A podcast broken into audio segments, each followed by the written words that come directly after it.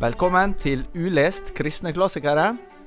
Podkasten der vi leser én kristen tekst fra hvert århundre i kirkas historie, med William Grosås, Peder Solberg og meg, Tore Hjalmar Sævik. I dag spørsmål fra publikum under vår liveinnspilling om Justin Martyr.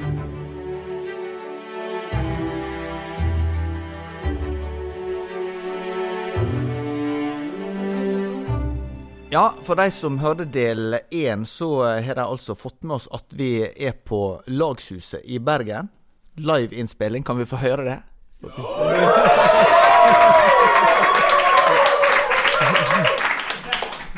Da trenger ingen å være i tvil om at det stemmer. Og nå har vi invitert de frammøtte her til å sende inn spørsmål som eh, William og Peder skal få svare på, og jeg skal stille. Og eh, vi begynner med en som heter Benjamin. Og han spør jeg, hvordan vil god eschatologisk åndelighet se ut i praksis? Og eschatologi er jo da lære om de siste ting, eh, som eh, er et, egentlig et viktig spørsmål for mange i den tidlige kristne kirke. Eh, kanskje alltid vært et viktig spørsmål eh, i den kristne kirke. Men eh, hvordan kan det se ut i praksis? Wow, godt spørsmål. Uh, ja, det er alltid, som du sier, altså det eschatologien Vi var inne på det i en tidligere episode. Altså Vi lever jo i de siste tider som Justine gjorde det. eh, som alle kristne alltid har gjort det. Ja, jeg, jeg hørte en eh, det var en amerikansk teolog som påpekte at vil du forstå hva som kjennetegner en kristendomsform, så spør hva slags eschatologi de har. For det forteller om hvor en tenker en er på vei. Mm. Og jeg tenker at Det første er jo nettopp det. altså Vi kan prøve å si noe om, om hvordan det praktisk vil se ut, men det første er i hvert fall det å være seg det bevisst. Uh, jeg er faktisk også driver litt og underviser i kristendom på, på et gymnas her i byen. Og i går så hadde jeg med meg elevene til Møllendal gravplass. Uh, og ba de å gå rundt og se på gravene. Og uh, rett og slett Jeg snakka litt om dette å tenke på døden. Fordi det at vi skal dø, eh, og det at vi sånn sett alle lever i de siste tider det, Vi er nærmere eh, Jesu gjenkomst i dag enn vi var i går. Eh, så handler det jo om, tenker jeg, hvis vi skal lære noe av historien, hvordan man har levd i de siste tider før, så er det jo noe grunnleggende med det å inn, innøve de gode vanene. Vi snakka om eh, gudstjenestepraksisen hos eh, Justin. Vi har snakka også i en annen episode om dette at de samla seg med de troende hver dag. Eh, eh, det kunne vi kanskje alle eh, være flinkere til. Å tenke gjennom liksom, altså, hva, er, hva er den grunnleggende rytmen i dagliglivet? Eh, fordi jeg tenker at eh, vi har mange eh, forstyrrende elementer i livene våre. Ekstremt mye forstyrrende elementer i livene våre. Som, som eh, tar fra oss den rytmen som minner oss på at vi hører Gud til, og at vi er på vei mot Jesu gjenkomst, for å si det med, med eh, det kristne språket. Så, så, eh, så, så den daglige rytmen er i hvert fall en sånn et element i det. Og så eh, er det jo sånn at vi hører til ulike tradisjoner av hvordan Kanskje hvordan det vil se ut, men, men jeg tror vi også har noe å lære av historien der når det gjelder dette med robustheten i det å hvile i en fromhetspraksis som ikke er bare min. Altså at det er noe med uh, det som lever også uten at jeg er der, hadde nær sagt. Altså, hva, hva jeg forstår deg rett, Peder. Ja. Det du sier er Vi trenger gudstjenester, Ja. eller vi trenger rytmer, ja. fordi det på en måte tar oss ut av tiden, på en måte. Det tar oss ut av tiden, og det, eller det minner oss om det som er det tidløst viktige Jeg i, i livene våre. da. når du sier det, så tenker jeg på liksom at vi er opp, ikke sant? Du har den her med tusenårsriket. Kom Jesus før eller etter tusenårsriket? Alle disse tingene som jeg Altså Den grunnleggende spenningen i, i, i hvert fall Johansevangeliet egentlig i Bibelen, det er jo forholdet mellom tid og evighet. Og det tenkte jeg på når du sa det nå. Ikke sant? Og det, ikke sant? Du har denne filmen som heter uh, Groundhog Day, som er en av mine favorittfilmer. En, en kjærlighetsfilm om han fyren som våkner opp samme dag, så er hver dag lik, lik, lik, lik. Og veldig mange føler jo det at hver dag på en måte er lik, fordi det er, det er ny fotballkamp til helga. Hvem vinner denne helgen? Det er liksom Det er ny feed på Facebook. Det er ny uh, runde diskusjoner i, i Dagen eller i vårt, vårt land. Eh, og det er liksom si, Ny uke, ny debatt. Eh, men eh, hvor er evigheten i mitt liv? Hva har sporet av evighet i seg? Og det er det når du synger en lovsang til Gud sammen med englene og sammen med, eh, sammen med den himmelske eh, forsamlingen, de kristne, så er det som at evigheten liksom bryter inn i, i liksom alt dette her som føles ut som at det, det har egentlig ikke evighetskvalitet i seg. Og det er jo det som han i den filmen 'Groundhog Day', Bill Murray spiller, får oppdage. At du kommer bare ut av den her følelsen av at verden, livet er en, en, en endelighet med uendelig endeligheter. Eh, før eh, du finner noe som har evighetskvalitet i seg. Og det er jo det som den kristne kjærligheten er. Det er det som den kristne livet er. Det er det som dåpens liv egentlig er en invitasjon til. Det er å leve et liv der hver eneste dag, hvert eneste øyeblikk har evigheten i seg. Og har betydning for evigheten. Hvert eneste øyeblikk har betydning for evigheten. Og det er det Jesu oppstandelse på en måte viser. At det fins ingen lidelse, ingen smerte, ingenting som ikke eh, Som er eh, hva skal jeg si, uvesentlig eller meningsløst fordi det har evighetens kvalitet i seg. Ingen, ingenting. Og det er det som er å leve dåpslivet. Ja. Kan jeg skyte inn et uh, C.S. Lewis-sitat? Det dukker jo ofte opp i apologetiske sammenhenger. Men, mm. men uh, uh, han påpeker vel det i Mere Christianity, altså Se det i øynene på norsk, at hvis jeg har en lengsel som ingenting i denne verden kan tilfredsstille, så tyder, eller er den mest sannsynlige forklaringa at jeg er skapt for en annen verden. Og det er kanskje litt det vi snakker om. Det er liksom evighet og tid. Vi føler at Altså Det at Jesus skal komme igjen, eller at det at livet vårt har Vi skal stå innenfor dommen, det er en påminner om at En slags syn på vårt eget liv. Um, er dette Er dette noe som har evigheten i seg, eller kan jeg se det som noe som har evigheten i seg? For det er det eneste som egentlig kan, som kan tilfredsstille min lengsel. Det er hvis livet mitt er fylt av ting som jeg føler har mening i, fordi det har med, med, evigheten å gjøre. Og det får mening i altså, Vi skal ha en sånn myk ordalarm. Det får mening i kjærlighet. Ikke sant? Og så er det én ting som jeg tenker på, bare sånn det, det konkrete. Det er Dere la sikkert merke til at både William og jeg tegna korsets tegn da vi eh, starta. For noen er det fremmed, men det er noe med å minne seg sjøl på at jeg er kropp. Og å bruke kroppen til å minne meg sjøl på at jeg er ånd. Eh, fordi eh, disse tingene henger sammen, og det tror jeg også er ekstremt faktisk viktig i vår tid, hvor det er så mye ukroppslighet i vår omgang med resten av verden. At vi faktisk tenker på at vi er kropp, og at dette gjør jeg ikke for å liksom se ut som jeg er. Altså, jeg minner meg sjøl om at det her er korset foran meg, på en måte. Og, og det er det som skal frem. Sånne ting tenker jeg også er en sånn motgift til en del av den eh, ja, kanskje giften vi ellers omgir oss med i det daglige. Da, for å si det sånn. Jeg må, skal provosere helt til slutten. Ja. Hvis, du skal, hvis, du vil vite eller se Jesu gjenkomst, så skal du ikke lese avisene. Folk tenker ja, jeg leser avisene, nå skjer det, nå er det krig i Midtøsten, og nå kommer Jesus. Liksom. Nei, det er motsatt. Du skal se på det som er evig. Det er sånn du ser Jesus kommer igjen. For det, det er, og, og så, Nå pusta Peder tungt der, for han mener at det er ikke noe nei, nei, nei. Det er ikke noe spenning mellom tid og evighet. Og selvfølgelig er evigheten gjemt i tiden.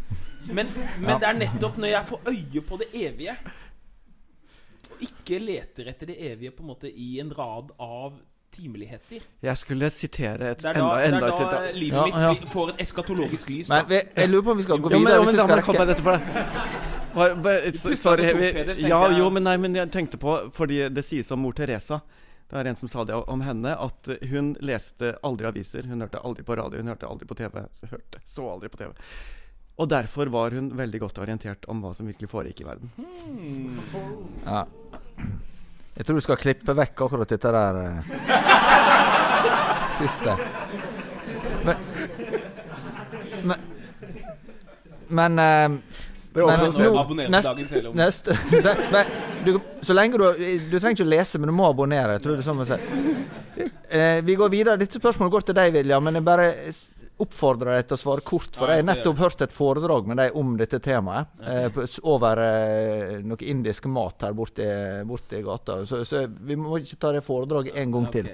Eh, dere har snakket en del om viktigheten av å lese Bibelen og sakprosa som utgreier Skriften i ord og praksis, men hvilken plass har skjønnlitteraturen i det kristne liv? Har den en plass i det hele tatt? Det er fra Mathias Vorhaug. Ja, det er bra. Nei, eh, skjønnlitteratur har jo selvfølgelig en eh, Det er jo en, en slags moderne oppfinnelse, den type romaner som vi leser. Um, og, men Gamletestamentet er jo på en måte skjønnlitteratur. Jobbsbok er jo skjønnlitteratur. Hvis ikke det er det, hva er det da? Uh, så, og, så, selvfølgelig så har fortellinger, historier og litteratur eh, i bredeste forstand en veldig stor eh, betydning i språk Nei, i det kristne språket. Det er, det er, liksom Språket er jo Er det ikke Jesus sier at liksom om hvert ord skal dere stå til ansvar for på dommens dag? Og det liksom sier noe om språkets betydning i troen. Altså det å være nøye med språket. Og er det en ting den store litteraturen gjør, så er det det å gjøre oss oppmerksom på hvor viktig språk er. Og, og eh, den utvider, utvider vårt indre rom. Um, og det finnes alltid en balanse mellom uh, all, all, form Alt kan bli virkelighetsflukt, og alt kan bli virkelighetsnært.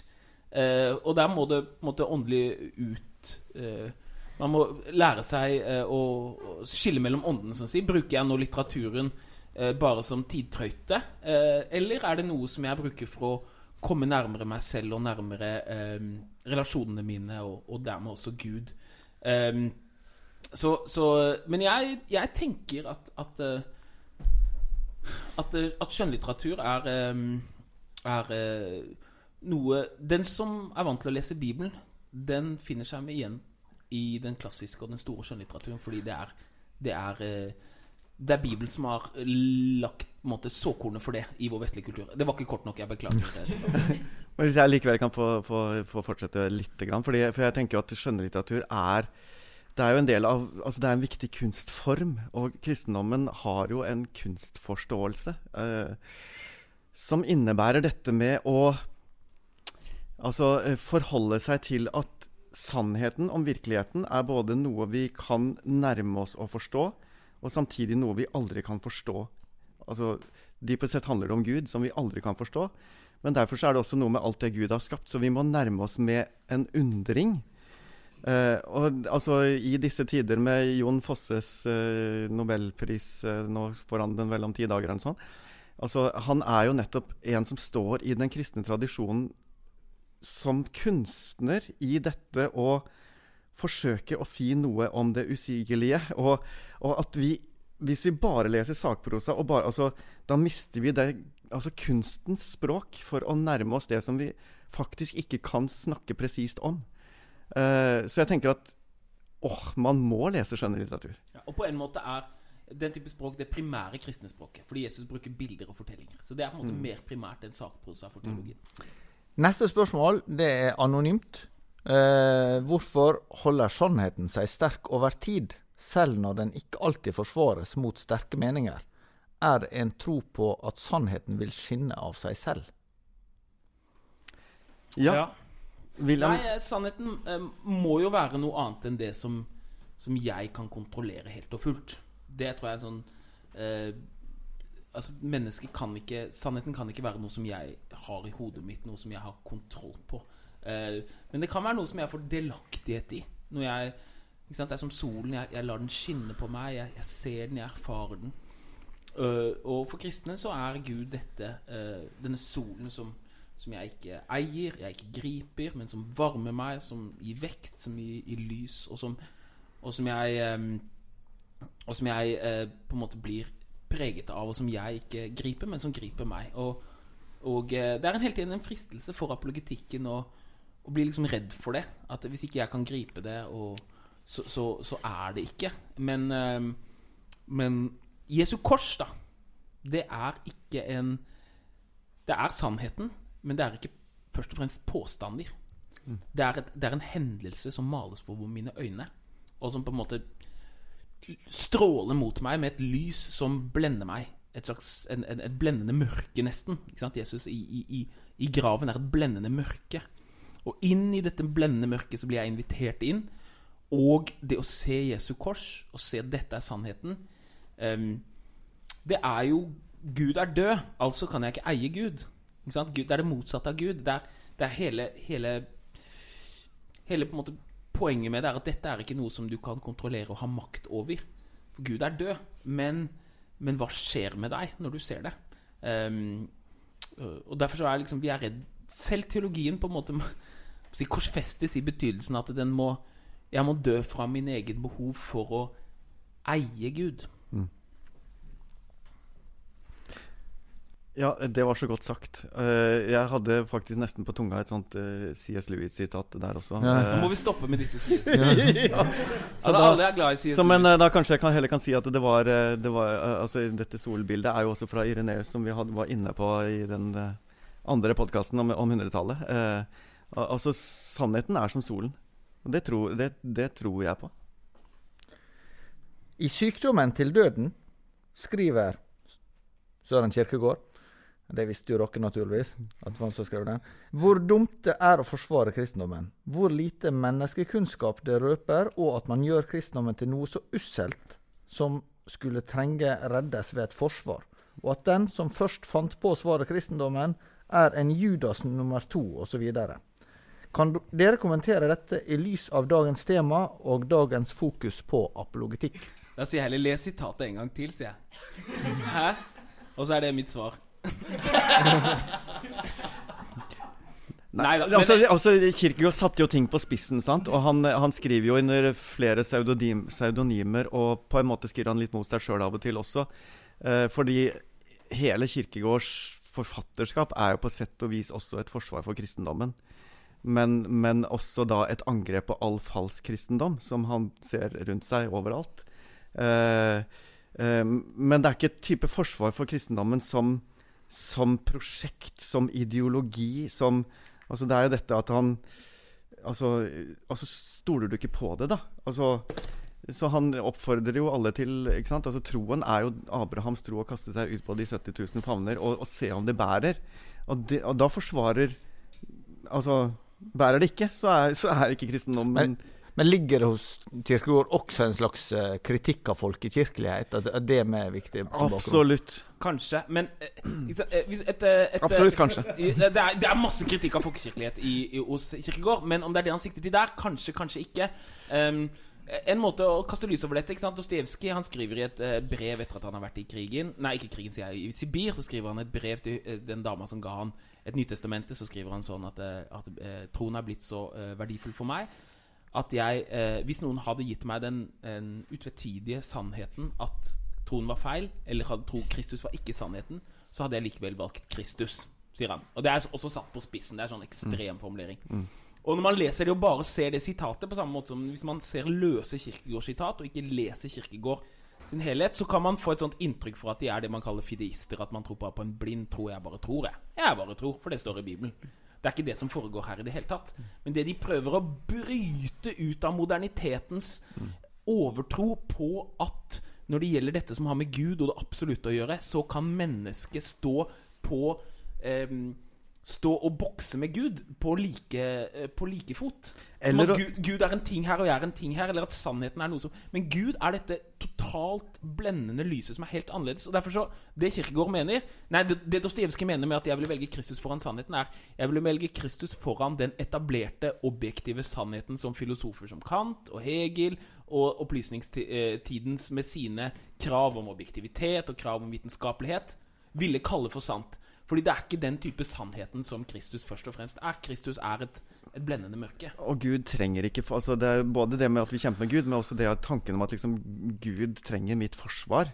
Altså Som om han trengte det for at han skulle fortsatt være Gud, eller fortsatt ha Så, så det, er, det er noe av det som Kirkegård også kritiserer. Denne på en måte eh, blasfemien i at vi tenker at Gud er så svak at han trenger oss soldater for å, for å holde han oppe, så å si.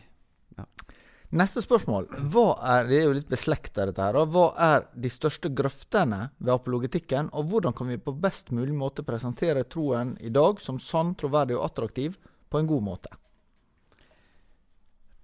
Altså, én En grøft det er i hvert fall Jeg tenker eh, Det er sikkert en del av dere som er så unge at dere ikke liksom var, levde under nyateismebølgen. Men den, den, det er jo en litt bølge av den ennå, på en måte, men den har lagt seg en del. Men, men jeg tenker en av de viktigste tingene man kan lære av nyateistene, er hvordan ikke argumentere. Ja. Det, da er vi ca. 15 år tilbake Ja. siden den liksom slo gjennom Eller ja, Ja. egentlig i kjølvannet av Ja. 11.9.2001. Ja, så, så for jeg tenker at En av grøftene for all apologitikk er, er å eh, ikke skjelne mellom eh, argumentasjon og agitasjon.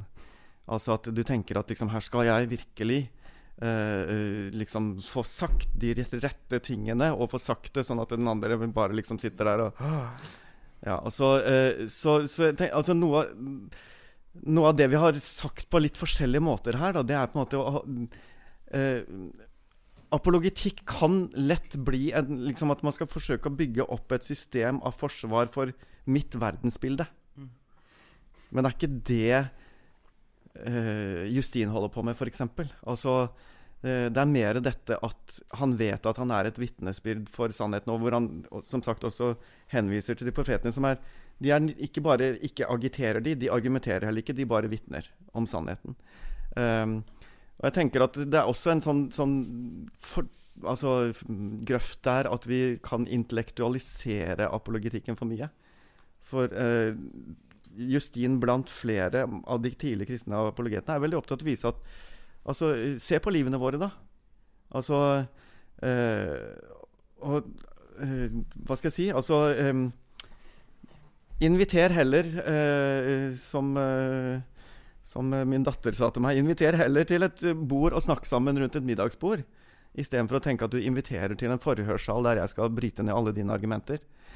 Ehm, for bare den vennskapeligheten som også, på tross av ganske sånn konfronterende språk hos uh, Justine i møte med Trifon, sant, så, det, så de, de møtes som venner, og de skilles som venner. Og der vennskapeligheten er uh, også det som omvender August, nei, Justin sjøl.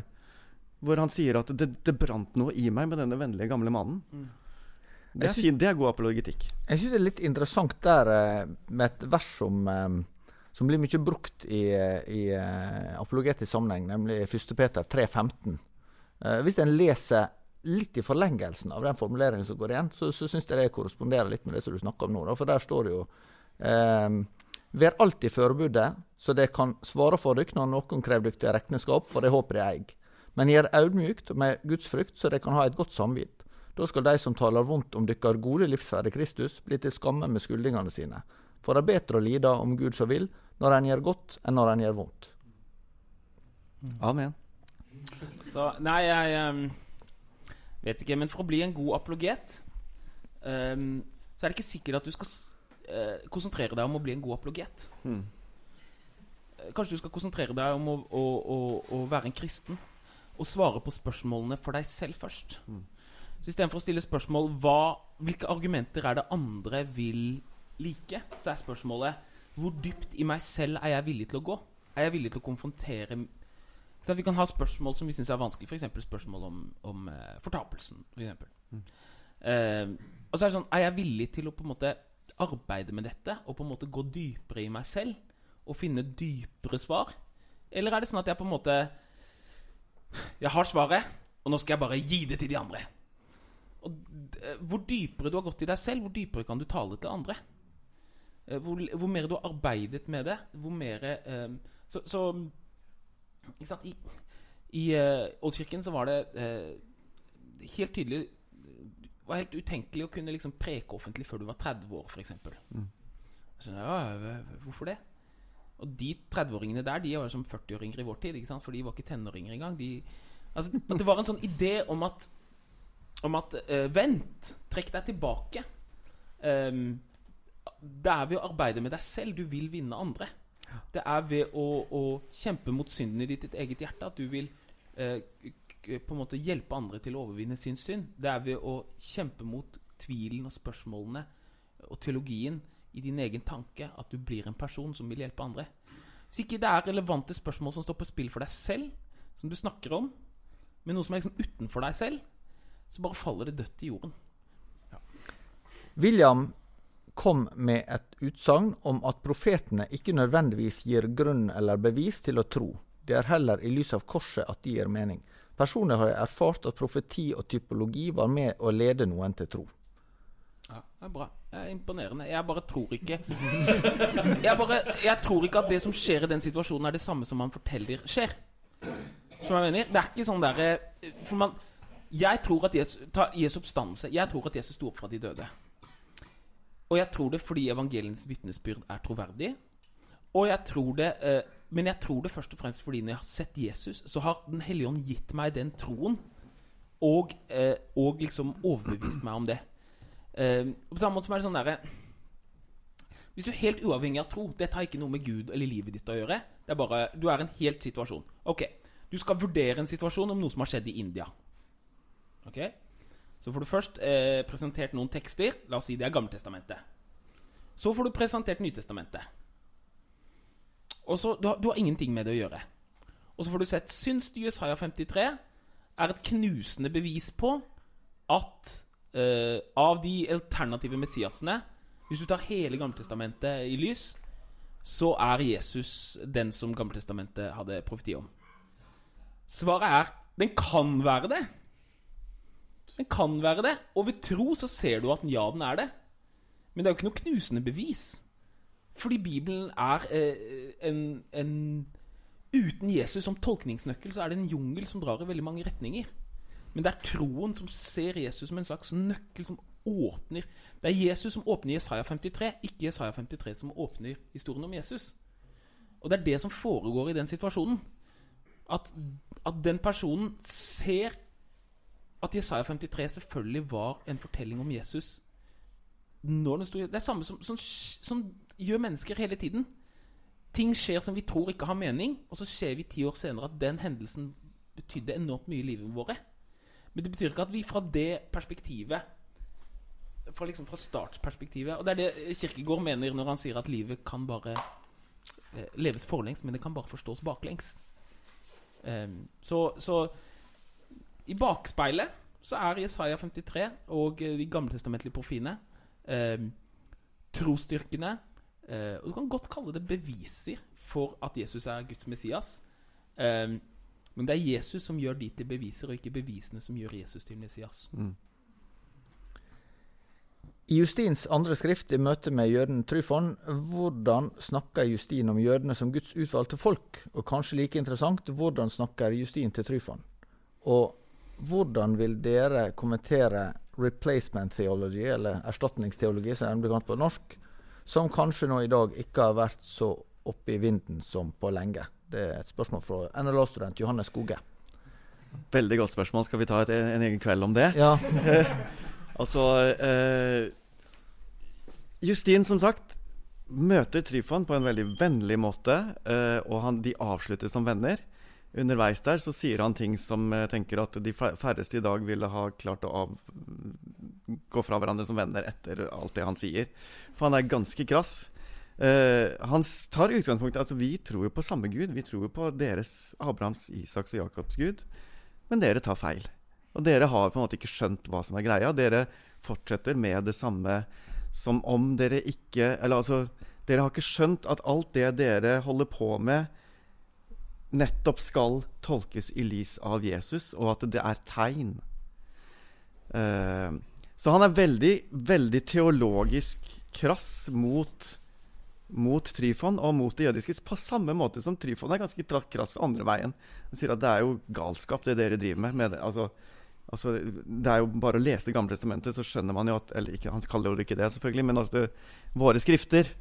Eh, så skjønner man at deres Jesus kan ikke være Messias. Og, altså, så de argumenterer mot hverandre ut, uten at de kommer så veldig Men de er veldig fornøyd med samtalen, begge to, til slutt. Men, men du kan si eh, eh, Justins teologi er ganske i tråd med det mange vil kalle erstatningsteologi. Eh, eh, det som er Og tanken da er jo at, eh, at den kristne kirke har overtatt løfter som er gitt til israelsfolket ja, i Gamle testamentet. Ja, ja, men du kan si altså eh, For Justin så er det altså Han ville ikke kalt det det. Han ville kalt det kontinuitetsteologi. Altså her er du og jeg og vi er eh, eh, i diskusjon, i debatt, om hvem som er i kontinuitet med den tradisjonen som vi begge holder oss til. Han sier jo Ja. en ting som er veldig interessant, f.eks. at eh, noen eh, jøder følger fortsatt loven og er kristne. Og noen kristne mener at det ikke er greit. Men jeg mener at det er greit. sier han. Han sier det er greit så lenge, så lenge det betyr Altså så lenge du ikke sier at alle andre kristne må det. Så lenge du ikke sier at alle kristne må det. Og um, det er eh, Altså, det er masse spor av ting som senere blir veldig problematisk i kirkens historie i, hos Justin. Men det som har skjedd, eh, det som er veldig viktig å få med for å forstå hvor eh, Justin er liksom i, i historien her, det er at det har vært to kriger. ikke sant? Først var det den store eh, Den jødiske krigen i år 70. Og så kom det en krig nummer to, som kanskje ikke er så kjent, men som er egentlig enda verre, eller i hvert fall like ille. Eh, og det er jo år 135 med en ny Messias som heter Simon Bar Kokva, Simon sønn av stjernen. Og de driver med masse sånn terror, masse vold i Egypt, i Syria, reiser rundt, og så til slutt så, så gjør de et gedigent opprør, voldelig opprør. Og de kristne blir litt syndebukker eh, for Simon Bar. Så de av alle som ikke sant, De tar over Jerusalem, de tar over området og gjør opprør mot romerne. Og de kristne blir behandlet veldig, veldig ille, for de er, de er de største svikerne. Så det her er liksom den jødiske opprør som er eh, år 135. Og så selvfølgelig, som det går med opprørere når, når det er sånne store imperier, så slås opprøret ned, og det blir en uh, ulovlig for uh, jøder å bo i, um, i området. Eh, Jerusalem blir ikke lenger en jødisk by. De bytter navn på byen. Og jødedom, uh, sånn som Tryfon står for, blir sett på som en kilde til vold. Kan, det er helt snudd på hodet hvordan det er med Hamas og Israel i dag. For på den tiden så er det jo da romerne som er på en måte de som blir regna som okkupantene. Og så er det, og så er det eh, israelittene som driver med på en måte terror, da. Ikke sant? Og, men da blir det sånn at det blir en sånn eh, For det første blir det en sånn skuffa eh, eskatologi. ikke sant? Før eh, opprøret til Simbar Koppa så er det masse sånn Johannes' åpenbaring-aktige tekster som kalles for eh, apokalypser. Verden skal gå under, og dette skal skje, og dette skal. Dette skal skje. Men så blir man slags skuffa Man blir skuffa over dette. Alt sånt liksom blir borte etter den eh, Simon Bar Og det man får, er eh, på en måte um, veldig skepsis til, til jødedom. Man gjør det. En voldsom skepsis til jødedom, for man ser det til en kilde til, til, eh, til vold. Og det ligger kanskje bak Markions avvisning av Gammeltestamentets gud. Det ligger bak eh, gnostisismen som tenker at ok, hvis ikke Gud skal gjøre verden bedre ved å ha en eller annen sånn endetidsgreie der eh, En apokalyptisk greie, så kanskje vi, sjelene våre bare skal flykte. Eh, og midt mellom mellom eh, Tryfon og narsissisme så står jo da Står jo da Justin. Og eh, det er kritikkverdige ting som Justin sier også. Eksempel er det flere ganger når han snakker om i Gammeltestamentet om israelsfolket synder. Så selv om han, snakker, selv om han liksom tenker at vi også er en del av gudsfolket, så snakker han om dere. Sant? Og det er jo veldig annerledes når Justin snakker om dere som har slik profetene sagt. Ikke sant? Eh, Apostlenes gjerningene avsluttes jo med at Paulus snakker om ikke sant, profetien til Jesaja om at de skal høre og høre, men de vil ikke høre. midtfolk i- eh, mitt folk vil ikke høre. Men det er veldig forskjellig når Paulus sier det, og når Justin sier det. For Paulus tar de gammeltestamentlige profetiene om at israelsfolket ikke vil høre på Gud, og så snakker han om dere. Men det Kirken må gjøre, hvis den mener at man er eh, Hvis man har eh, del i det å være gudsfolk, det er jo å ta si på det, det gode og det onde, da. Det er oss.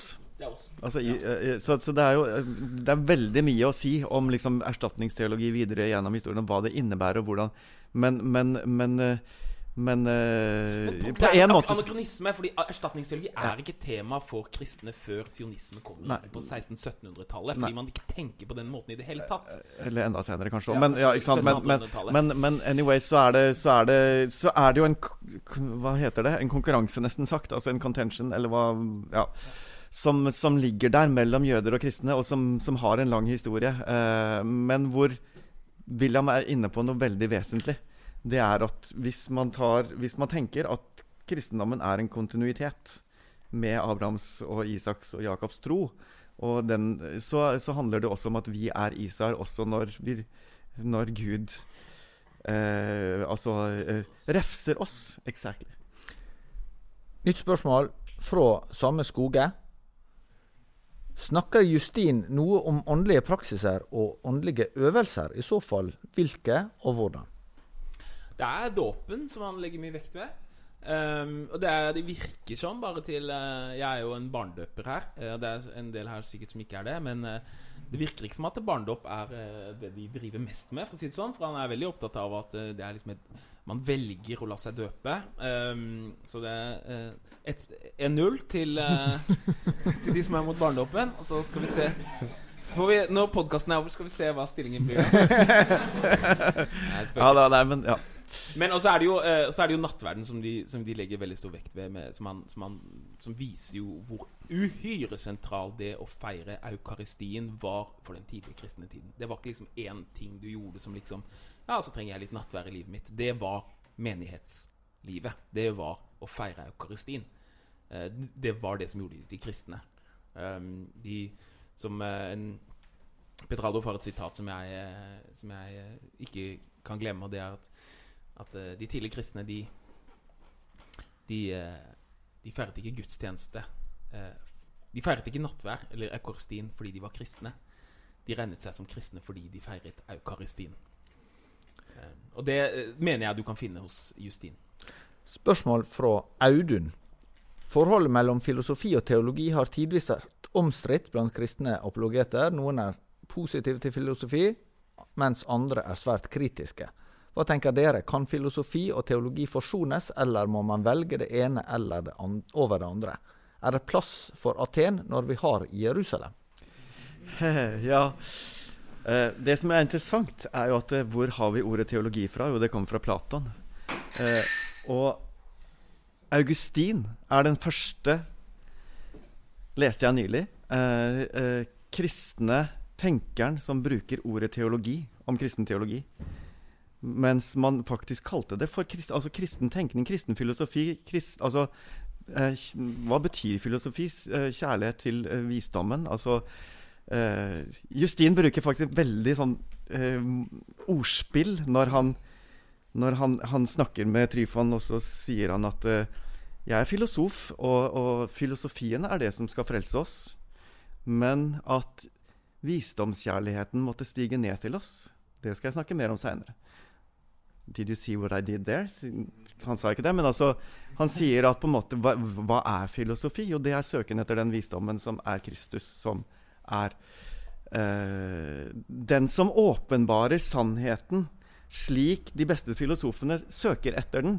Og Det er derfor, det er derfor uh, Justin kan kalle Sokrates som en, en førkristen kristen, fordi han, han, som William var inne på, han forstår at sannheten innebærer å avvise avgudene.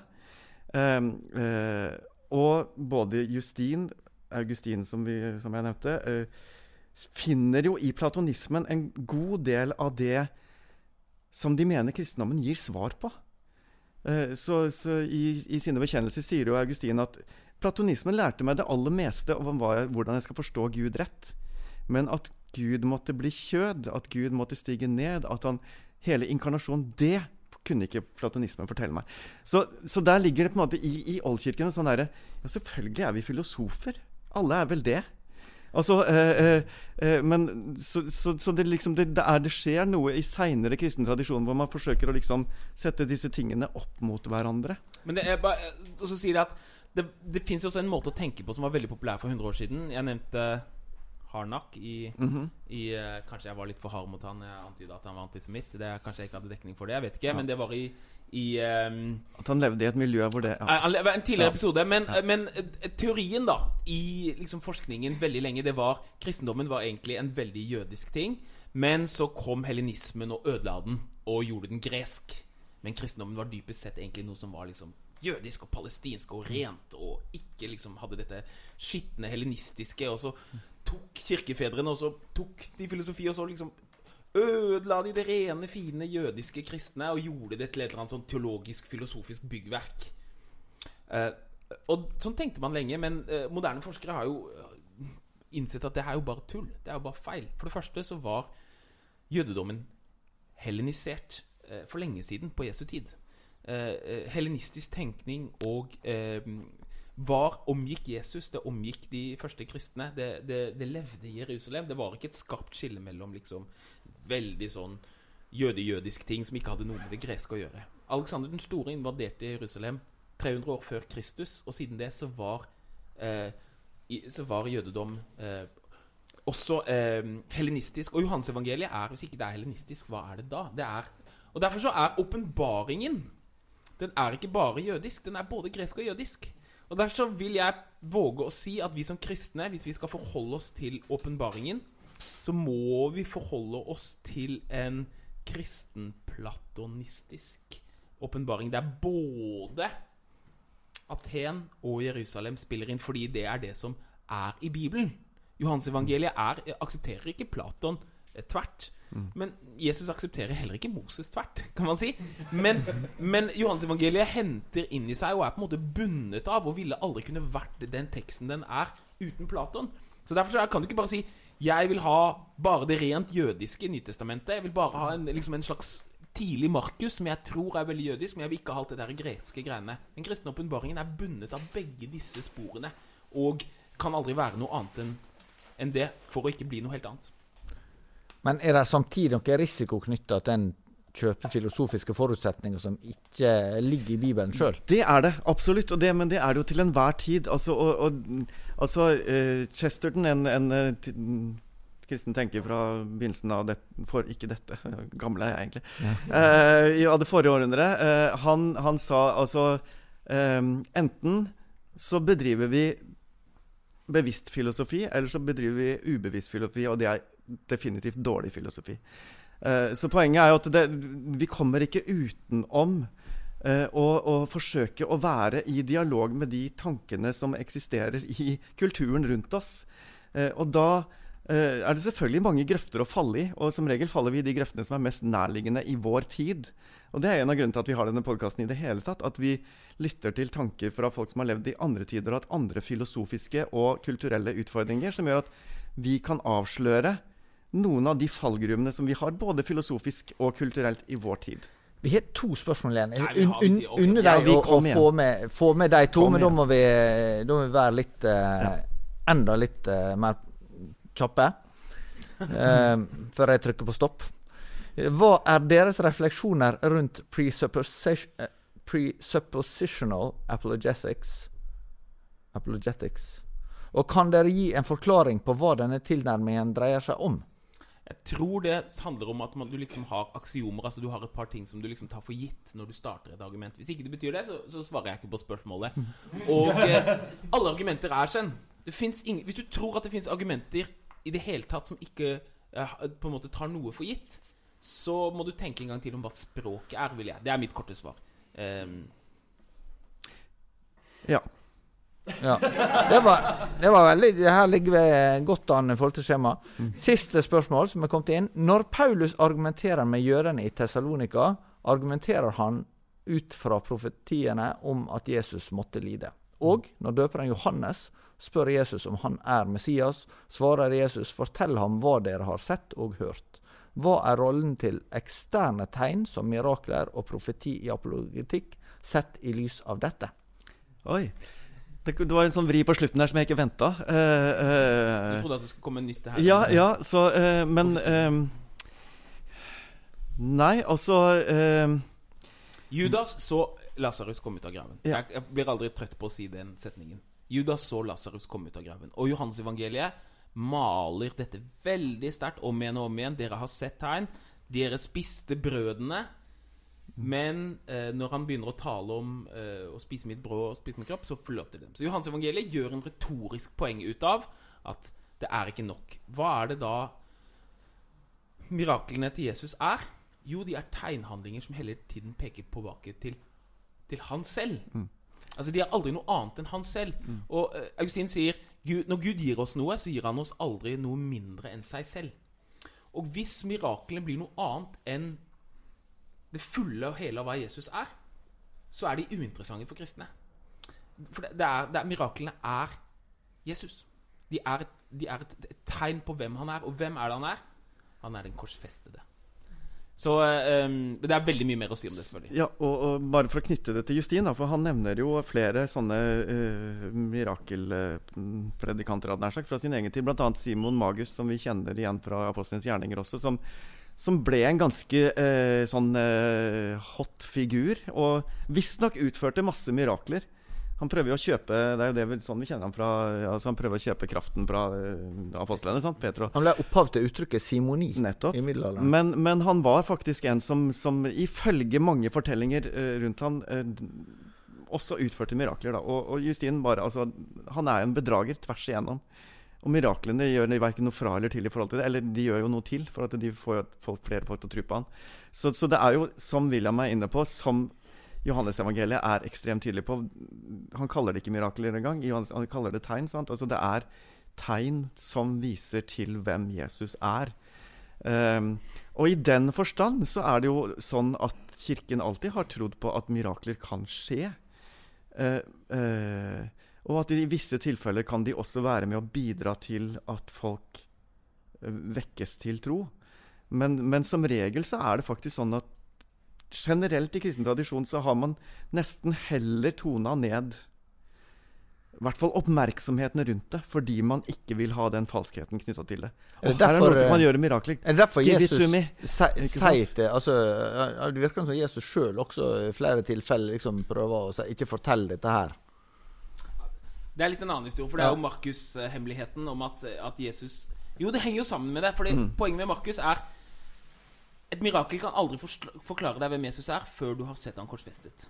Og Det er det Markus-hemmeligheten er. Og Derfor så sier ikke Jesus at han er Messias før han skal bli drept. Da sier han 'Jeg er'. 'Jeg er Messias', sier han. Så det er det eh, eneste måten vi kan se Gud gjennom Jesus, det er ved å se han korsfestet. Da sier jeg tusen takk til dere som kom hit til Lagshuset i kveld, for gode spørsmål. Og eh, vi har til slutt et dikt som eh, Julian skal deklamere for oss. Vær så god. Det korteste strå. Vi ble skapt som skaperens like. Han ble født i et døende rike. Dikteren stiller seg undrende nå. Hvorfor trakk Gud det korteste strå? Hvorfor la kongen seg frivillig plage i Edens gjengrodde, tårnete hage? Snakk, teologer, la meg forstå, hvorfor trakk Gud det korteste strå? Verden spinner med sviktende helse, arter forsvinner, hinsides all frelse, isbreer smelter og minner meg på at Gud har trukket det korteste strå. Vi har knelt og tilbedt det skapte. Frelseren selv måtte bli den fortapte. Kvinnen med slangen og mannen med ljå lot Gud få trekke det korteste strå. Men slik de siste skal være de første, er også det minste strået det største. Fattige sjeler skal være Guds like. De usleste blant oss er himmelens rike. Jeg blir som Gud, og han blir som meg, den nedrige sønn på den opphøyde vei. Opphøyd er jeg i det evige nå, for guddommens krybbe er laget av strå.